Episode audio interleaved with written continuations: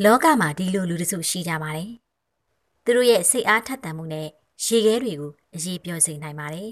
။သူတို့ရဲ့ဇွဲစိတ်ဓာတ်နဲ့နှင်းရေခဲတွေကိုအနိုင်ယူနိုင်ပါတယ်။ရေခဲပြင်ပေါ်မှာအံ့ဩစရာတွေဖြစ်အောင်ကပြနိုင်ပါတယ်။နှင်းနေကြထဲမှာငယ်ရွယ်နှုတ်ပြမှုတွေကိုအစွမ်းကုန်ပြသခဲ့ပါတယ်။အောင်မြင်သူတို့မှတ်တမ်းများဆိုတဲ့ဗီဒီယိုဆက်လံကိုနားဆင်ကြည့်ကြပါရှင်။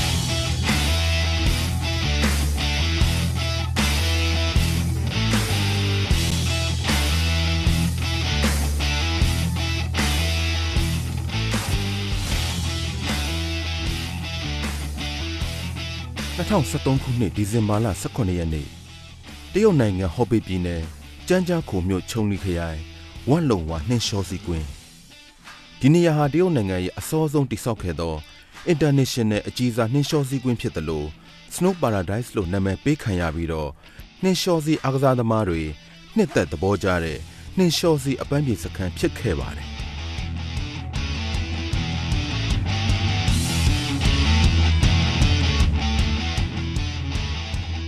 ဒီတစ်နှစ်မွန်းလွဲပိုင်းမှာစွန့်စားကန်းဝါသနာရှင်များဖွဲ့စည်းထားတဲ့ Happy Ski Team အုပ်စုတစုဟာတနေ့တာနှင်းလျှောစီလေးကျင်ကန်ကိုအခုလေးတင်လေးကျင်ပြီးကြပါပြီ။အသင်းသားတွေကပျော်ပျော်ရွှင်ရွှင်နဲ့ဝက်လုံဝနှင်းလျှောစီကွင်းရဲ့အစ်စ်မြင့်နှင်းလျှောစီလမ်းကြောင်းတစ်ခုရဲ့ထိပ်ပေါ်မှာရဲရဲမောမောနဲ့ပြောဆိုနေကြပါတယ်။အပြင်ပန်းကြည့်ရင်တော့အသက်အရွယ်နည်းနည်းကြီးရင်နေပြီဖြစ်တဲ့နိုင်ငံသားတစ်ယောက်ကနီးပြစရာဖြစ်ပုံရပါတယ် ဒီလူအုပ်စုရဲ့အရှိမမတ်တက်ရက်နေပြီးတော့ဒီနေ့နှင်းလျှောစီလေ့ကျင့်ရေးအတွက်နောက်ဆုံးဝေဖန်မှုတွေလုပ်နေပါတယ်။သူကဒီနှင်းလျှောစီအဖွဲ့ရဲ့နေပြဆရာဂျာမနီနိုင်ငံသားခနူးအေကာပဲဖြစ်ပါတယ်။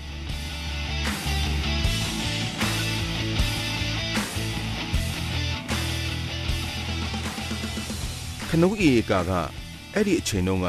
တရုတ်နိုင်ငံရဲ့ပြမနှင်းလျှောစီအားကစားနယ်ပယ်ထဲမှာတော့နာမည်ကျော်ကြားတဲ့ပုံကိုယ်တယောက်ဖြစ်ပါတယ်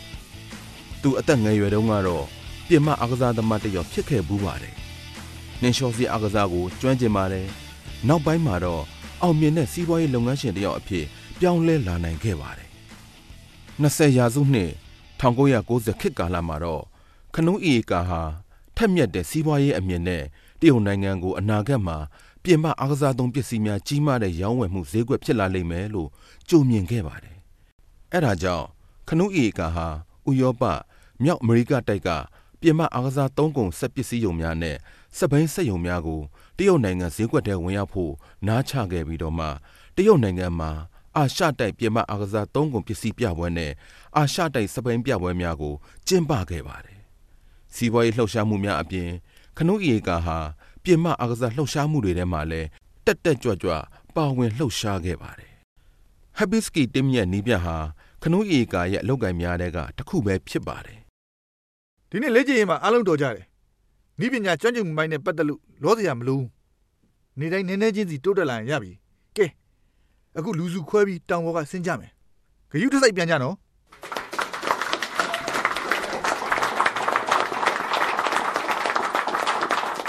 ခနူးအေကပြောပြီးတဲ့နောက်မှာတော့အတင်းသားအလုံးဟာလက်ခုပ်တီးလိုက်ကြပြီးတော့ကိုပစ္စည်းကိုတင်ဆဲကြကနှင်းလျှောစီလမ်းကြောင်းအတိုင်းတောင်အောက်သို့ဆင်းသွားကြပါတော့တယ်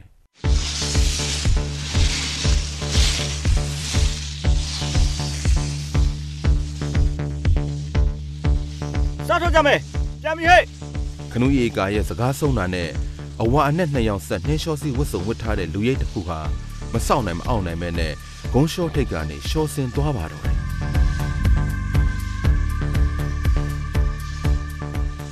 ဆရာကျုံဖြည်းဖြည်းသွားခနူးရီကာကအဲ့ဒီလူကိုလှမ်းអော်ပြောလိုက်ပေမဲ့ထိုလူကအဝဲကိုရောက်နေနေပါပြီဆရာကျုံလို့အခေါ်ခံရတဲ့လူရဲ့နာမည်ကတော့ကျုံချန်ကြန့်ပါ တရုတ်နိုင်ငံရဲ့ပြင်မအားကစားလောကကပညာရှင်တယောက်ဖြစ်ပြီးတော့မှအားကစားပါရမီအလွန်ကောင်းပါတယ်။သူ့ရဲ့လွန်ခဲ့သော35နှစ်တုန်းကဘဝကိုကံမျက်နှာသာပေးတဲ့ဘဝလို့ပြောရင်တော့မှမမှားပါဘူး။1993ခုနှစ်မှာအသက်15နှစ်ပဲရှိသေးတဲ့ဆရာကျုံဟာ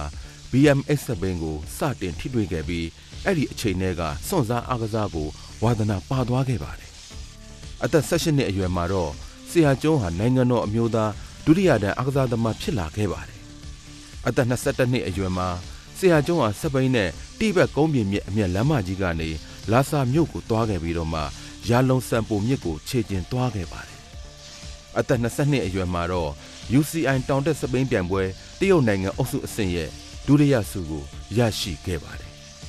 အသက်25နှစ်မှာဆရာကျုံးဟာပြင်မအကစားသုံးကုန်ပစ္စည်း brand တစ်ခုထုတ်ခဲ့ပြီးတော့ပင်လယ်ရေမျက်နှာပြင်အမြင့် 6188မီတာရှိတဲ့ရွေကျူးတောင်ထိပ်နဲ့9564မီတာအမြင့်ရှိတဲ့မူစတာဂါဒါတောင်ထိပ်ကိုတက်ရောက်ခဲ့ပါတယ်။အသက်28နှစ်မှာတော့ရွက်လွှင့်အားကစားနဲ့ထိတွေ့ခဲ့ပြီးတရုတ်နိုင်ငံရဲ့ပထမဆုံးအကြိမ်ရွက်လှေပြိုင်ပွဲပထမဆုံးအကြိမ်ဟောင်ကောင်ရှမန်တော်လန်ဖြတ်ကားပြိုင်ပွဲတို့ကိုဝင်ရောက်ရှင်ပြိုင်ခဲ့ပါတယ်။အဲ့ဒီတစ်နှစ်ထဲမှာပဲသူဟာပြည်သက်နိုင်ငံကချာမနီစ်မြို့မှာတော့နှင်းလျှောစီအားကစားကိုပထမဦးဆုံးထိတွေ့ခဲ့ရပါတယ်။ အသက်32နှစ်အရွယ်မှာသူဟာမော်တော်ဆိုင်ကယ်နဲ့ခီးထွက်ခြင်းကိုစလုပ်ခဲ့ပြီးတော့မော်တော်ဆိုင်ကယ်နဲ့တရုတ်နိုင်ငံပြည်မကြီးမှာတိဘက်ကိုတွားသောလမ်းကြောင်းအများပြားကိုမောင်းနှင်ခဲ့ပူပါတယ်။အသက်34နှစ်မှာတော့တာမန်ပြည်သူများတောင်တက်အားကစားလှုပ်ရှားမှုကိုစတင်ပေးခဲ့ပြီးကွမ်တုံးပြည်နယ်ရဲ့တောင်တက်ဆိုင်ကယ်ပြိုင်ပွဲကအုပ်စု B ရဲ့နှစ်ပတ်လည်ချန်ပီယံဆုကိုရရှိခဲ့ပါတယ်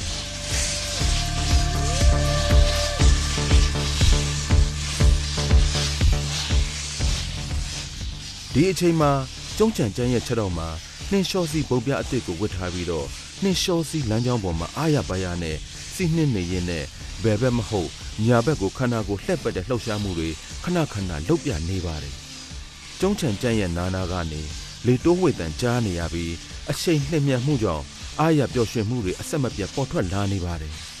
ကျုံးချံကျန်းရဲ့ရှော့စစ်တဲ့အချိန်ဟာတဖြည်းဖြည်းနဲ့မြန်လာပြီးတော့ ခန္ဓာကိုယ်လှဲ့တဲ့လှုပ်ရှားမှုကလည်းတဖြည်းဖြည်းများလာပါတယ်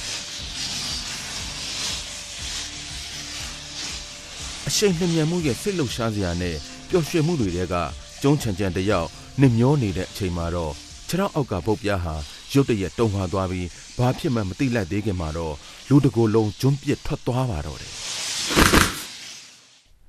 ဒီအချိန်မှာကျုံးချံချံရဲ့မျက်စိထဲမှာ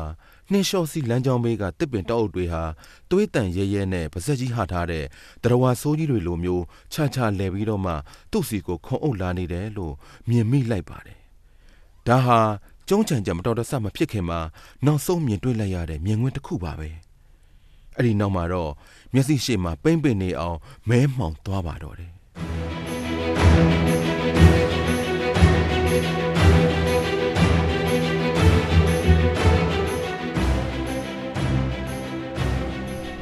နူးအေကာရဲ့အမြင်ရှုတော့ငါကြည့်ရင်တော့ကျုံချံကြန့်ရဲ့အရေးဟာတိတ်ငက်တကောင်လိုနှင်းလျှောစီလမ်းကြောင်းပေါ်ကရှက်ပြန်နေသလိုပါပဲအရာအလုံးဟာအရန်ကိုပြည့်ပြည့်စုံနေတယ်လို့ခံစားရပါတယ်ဒါပေမဲ့မတော်တဆဟာတနင်္ဂနွေအတွင်းဖြစ်ပွားသွားခဲ့ပါတယ်အဝေးကနှင်းလျှောစီလမ်းကြောင်းပေါ်မှာတော့ရုတ်တရက်နှင်းမြူလုံးကြီးတစ်ခုပေါ်လာပြီးတော့ဘေးနားကတစ်တောအုပ်ထဲကိုလွင့်စင်ထွက်သွားပါတော့တယ်ပြီးတော့နှင်းမြူတွေငြိမ်ကျသွားပါတယ်ကျုံချံကြန့်ရဲ့အရေးရောင်လဲ ပျောက်ကွယ်သွားပါတော့တယ်အရာအလုံးဟာဘာမှမဖြစ်ခဲ့သလိုပါပဲတားလို့ဆရာကျောင်းတစ်ခုဖြစ်သွားပြီ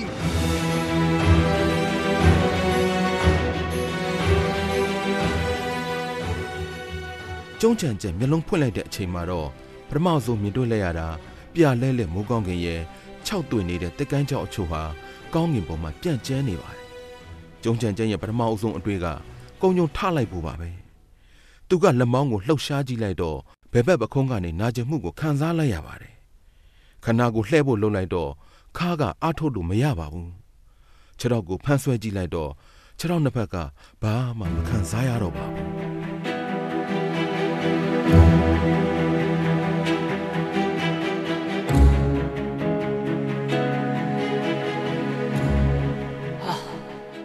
။ဒုက္ခရောက်ပြီ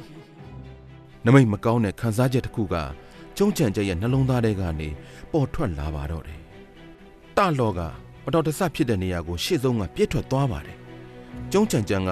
တစ်ပင်ကြီးတပင်အောက်မှာလဲနေပြီးအပေါ်ယံတန်ရာတိတ်မရှိတာကိုသူမြင်လိုက်ရပါတယ်။လမ်းကျောင်းငါပြောတာကြားရလား။မင်းလုံနိုင်သေးလားငါငါကြည့်တော့လှုပ်လို့မရတော့ဘူး။ကျုံးချံချံကမျက်စိတစ်ချက်မှိတ်ပြပြီးတော့လက်မောင်းကိုလှုပ်ပြကတလောကိုပြန်ဖြေလိုက်ပါတယ်။ ကျုံချန်ကျန်ရဲ့ဒီစကားကိုကြားလိုက်ချိန်မှာတော့တလဟွာစိတ်ထဲမှာထိတ်လန့်သွားပါတော့တယ်။ကျုံချန်ကျန်ကိုအသင်းဖော်တွေကဘေကျင်းမြို့ကအကောင်းဆုံးစိတ်ယုံတစ်ခုကိုညတွင်ချင်းလိုက်ဖို့ပေးခဲ့ပါတယ်။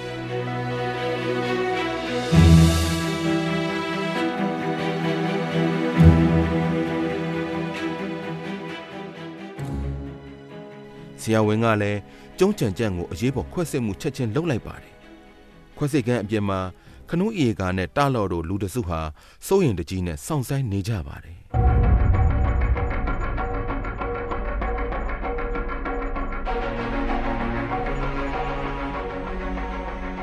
လောင်ကျော်ကငါတို့အားလုံးထဲမှာနှင်းလျှောစီးရအတော်ဆုံးပဲဒီလမ်းကြောင်းကိုလည်းနှင်းလျှောစီးလာတာခါပေါင်းမနေတော့ဘူးတိတ်ခက်ခဲတဲ့နေရာလည်းမရှိဘူးဘယ်လိုလုပ်ခလုတ်တိုက်ပြီးလွတ်ထွက်သွားတာလဲတာလော်တယောက်တွတ်တွတ်ရေကျွတ်နေမိပါတယ် အထိတ်ကြောင့်ဖြစ်တာအထိတ်မှာပြဿနာရှိတယ် ခနူးအေကာကအပြေထောက်ပြလိုက်ပါတယ် ။อืม तू မတော်တဆဖြစ်တော့သူ့ရဲ့စနိုးဘုတ်ကိုငါစစ်ကြည့်လိုက်တယ်။အထိတ်ကအလျှော့တင်းလောက်ထားတာတိတ်မကောင်းဘူး။အဲ့ဒါကြောင့်အကွက်ဝဲဒီမှာအားလုံးပြီးပြုတ်ထွက်သွားတာ။စနိုးဘုတ်ပြားကမထင်မဲ့ပဲလွန့်ထွက်သွားလို့လောင်ကျုံကချိုလဲသွားတာ။ဒါငါအမှားကြောင့်ဖြစ်ရတာ။ငါနီးပြစရာလုံနေပြီးတော့သူ့ကိုစနိုးဘုတ်အထိတ်စစ်ဆေးဖို့တတိမပေးမိဘူးကွာ ခနူးအေကာဟာကော်ရီဒါတဲကခုံတန်းရှည်ပေါ်မှာထိုင်ပြီးခေါင်းငိုက်စိုက်နေပါတော့တယ်အချိန်တော်တော်ကြာသွားတော့မှခွဲစိတ်ကန်တကားဝါကမီးနေမှိတ်သွားပြီးတော့အစိမ်းရောင်ခွဲစိတ်ဝတ်စုံဝတ်ထားတဲ့ဆရာဝန်တဦးထွက်လာတော့သူတို့အားလုံးပြေးလာကြပါတယ်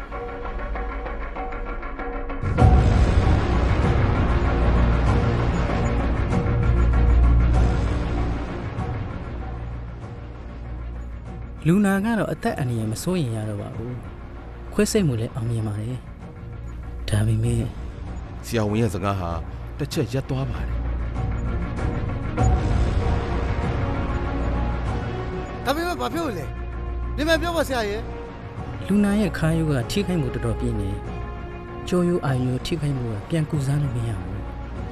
ကျွန်တော်တို့အတက်နိုင်ဆုံးစူးစမ်းခဲ့ပြီပါပြီဒါပေမဲ့သူနောက်ပိုင်းမှာဘိန်းတက်ကလေးထိုင်နေမနေရတော့မယ်ဗျ ခမည်းတော်လည်းသူ့ကိုစိတ်ထဲမှာကြိုတင်ပြင်ဆင်ထားနိုင်အောင်ပြောပေးကြပါ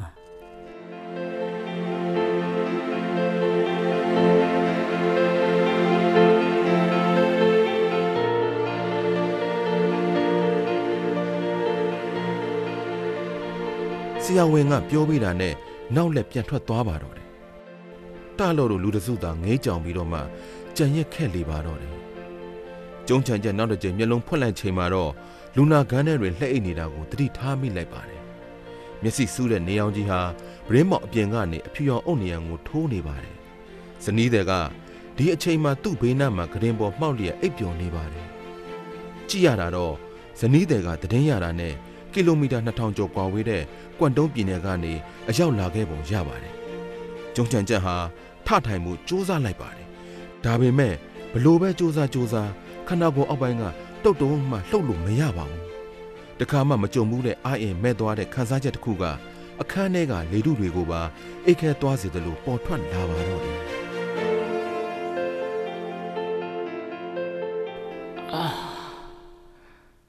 ကြည်ရတာနောက်တက်ကစားလို့မရတော့ဘူးထင်တယ်။ကျုံချန်ကြန့်ရဲ့စိတ်ထဲမှာဝမ်းနည်းမှုတွေပေါ်လာပါတော့တယ်။ ဒီအချိန်မှာပဲကျုံချန်ကြန့်ရဲ့လက်ဖွားကနေအနှွေးတဲ့တစ်ခုကိုခံစားလိုက်ရပါတယ်။ဇနီးတဲ့ကသူ့လက်ကိုဖမ်းဆုပ်လိုက်တာပဲဖြစ်ပါတယ်။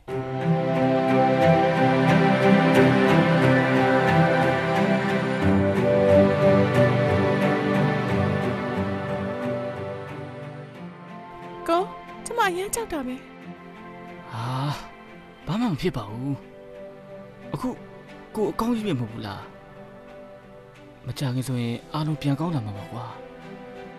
ကျုံးချန်ကြက်ဟာလည်းမျက်ရည်မကျမိအောင်မနဲ့ထိန်းထားရပါတော့တယ်။အဲ့ဒီနေ့ညလူချင်းတိတ်ဆိတ်တဲ့အချိန်မှာကျုံးချန်ကြက်ဟာဒဏ်ရာဘောကတစ်စစ်စစ်ကြိုက်ခဲနာကျင်မှုကိုတီးခံနေခဲ့ရပါတယ်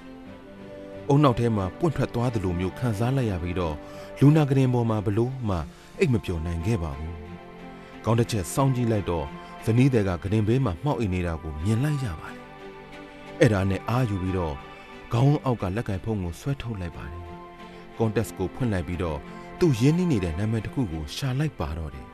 ။ဖုန်းတန်ဆယ်ကောက်လောက်မြည်တော့မှတစ်ဖက်လူကဖုန်းကင်လိုက်ပါတယ်။ဖုန်းရဲ့အခြားတစ်ဖက်မှာတော့အမျိုးသားတစ်ယောက်ရဲ့ညီးတွားပြစ်တင်တန်ကိုကြားလိုက်ရပါတော့တယ်ဆရာကျောင်းရဒီအပိုင်းမကြောက်ကစားတာနိုင်ရုံပဲရှိသေးတယ်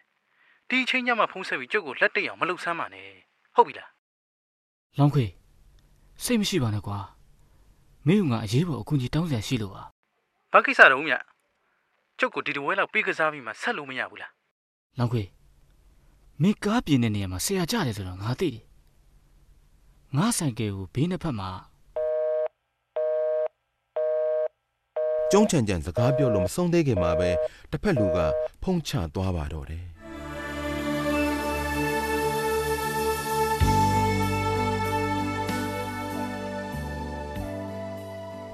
သုံးလကြာပြီးတဲ့နောက်နေ့တစ်နေ့ရဲ့မွန်လွဲပိုင်းအချိန်တရုတ်နိုင်ငံတောင်ပိုင်းကွမ်ကျိုးမြို့ကဖမ်းယူခရိုင်မှာ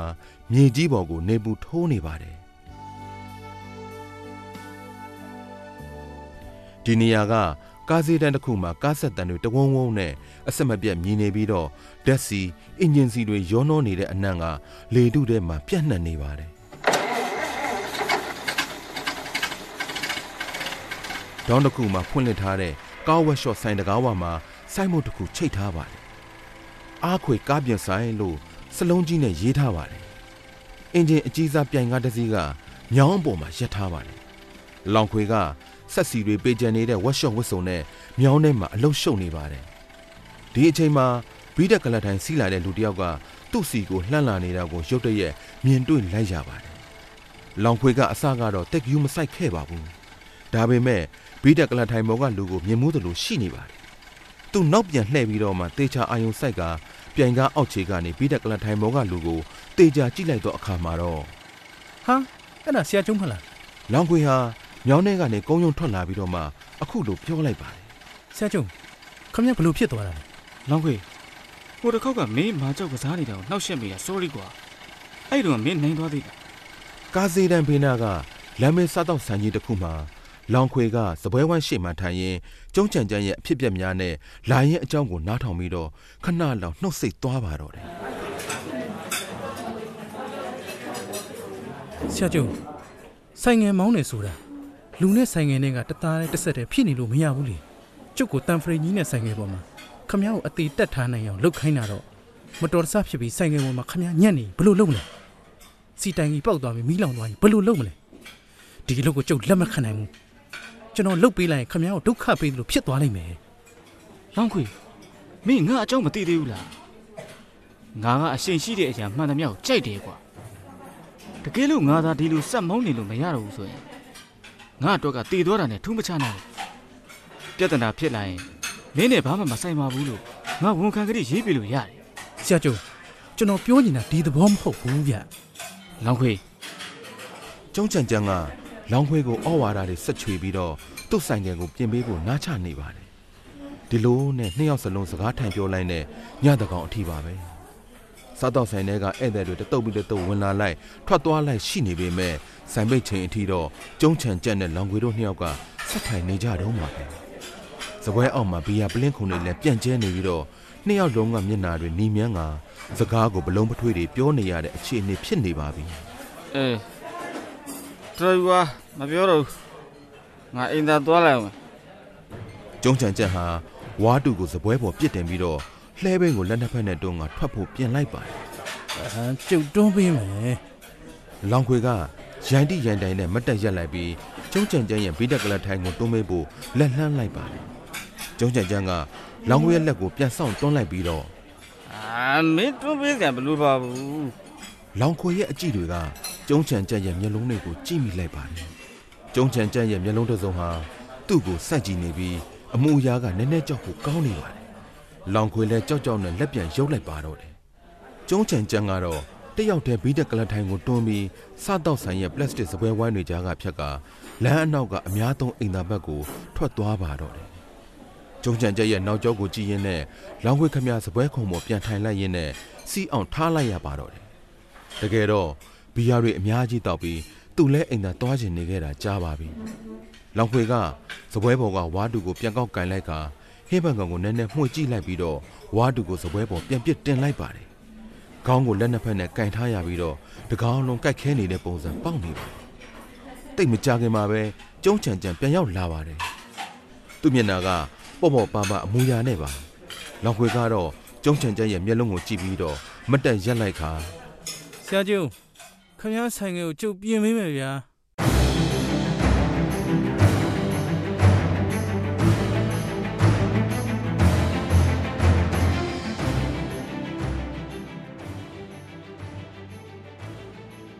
ရက်အနှဲငယ်ကြာပြီးတဲ့နောက်ကွမ်ကျိုးမြို့ပြင်ကလမ်းကျမ်းမောင်းမော်တော်ဆိုင်ကယ်ပြိုင်ပွဲအတွင်းမှာတဲတွေဖုန်တွေပလူပြန့်နေပါတယ်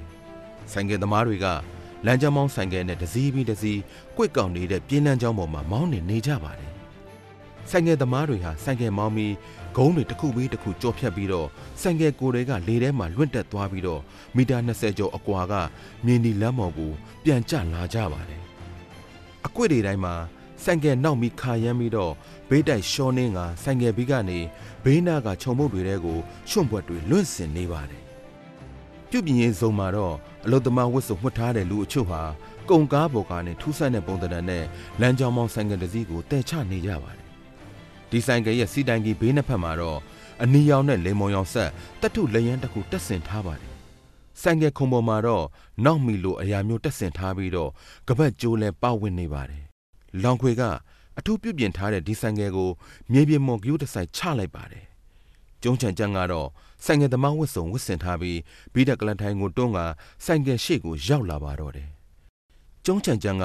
ဘီဒက်ကလန်ထိုင်ကိုဆိုင်ကယ်နဲ့ဘေးချင်းကပ်ရက်လိုက်ပြီးလက်တစ်ဖက်ကဆိုင်ကယ်ခုံကိုထောက်ပြီးကြံလက်တစ်ဖက်ကဘီဒက်ကလန်ထိုင်ကိုထောက်ကလက်မောင်းအားကိုအသုံးပြုပြီးတော့ခနာကိုယ်ကိုဆိုင်ကယ်ပေါ်သို့တဖြည်းဖြည်းရွှေ့လိုက်ပါတယ်ကျုံးချန်ချက်ဟာလက်နဲ့ချင်းနှချောင်းကိုဆိုင်ကလက်ရန်အတွင်ထိုးထက်ထားလိုက်ပါတယ်။ နောက်မီဘော်ကကပတ်ကျိုးနဲ့ခန္ဓာကိုယ်ကိုဆိုင်ကယ်ဘော်ကပြုတ်မကျအောင်ကပတ်ပတ်ထားလိုက်ပါတယ်။ဆိုင်ကယ်ဆက်နှိုးဖို့နဲ့ဂီယာတွေကိုလည်းဆိုင်ကယ်လက်ကင်ပေါ်မှာအားလုံးပြောင်းတက်ထားပါတယ်။ကျုံးချန်ချန်ကဆိုင်ကယ်ကိုကျွမ်းကျွမ်းကျင်ကျင်နဲ့ဆက်နှိုးလိုက်ပါတယ်။ဆိုင်ကယ်ရဲ့အိတ်ဇောပိုက်ကနေတဘုံဘုံနဲ့အတန်တွေထွက်လာပါတော့တယ်။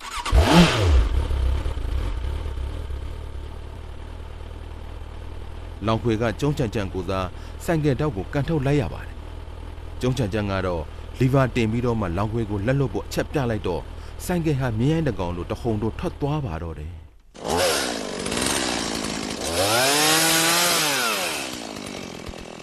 ဒီတနေ့ကိုကျုံးချန်ချန်ရဲ့စိတ်ထဲမှာမျောလင့်ထားခဲ့တာကြာပါပြီ။စုံစားအကစားတွေထဲမှာတော့ကျုံးချန်ချန်အကြိုက်ဆုံးကဆိုင်ကယ်ပြန်ခြင်းနဲ့နှင်းလျှောစီးခြင်းပါ။ဒီအားကစားနှမျိုးတွေကနေအရှိန်လျင်မြတ်မှုကြောင့် ကျေနပ်အားရမှုမျိုးကိုကျုံးချန်ချန်ခံစားနိုင်ပါတယ်။အရှိန်နဲ့မောင်းနေနေချိန်မှာဆိုရင်တော့ကျုံးချန်ချန်ဟာဒီဖြစ်စဉ်တွေကဘာနဲ့မှနှိုင်းရှင်လို့မရတဲ့ထိန်းချုပ်မှုမျိုးကိုခံစားမိနိုင်ပါတယ်။ snowboard ကိုနင်းနာချိန်မှာပဲဖြစ်ဖြစ်ဆိုင်ငယ်ပေါ်မှာထိုင်စီးတာပဲဖြစ်ဖြစ်သူ့ကိုယ်သူအလွန်တမ်းမှတန်ဆွမ်းတယ်ကိုဘဝကိုချုပ်ကင်နိုင်တယ်လို့ခံစားမိပါတယ်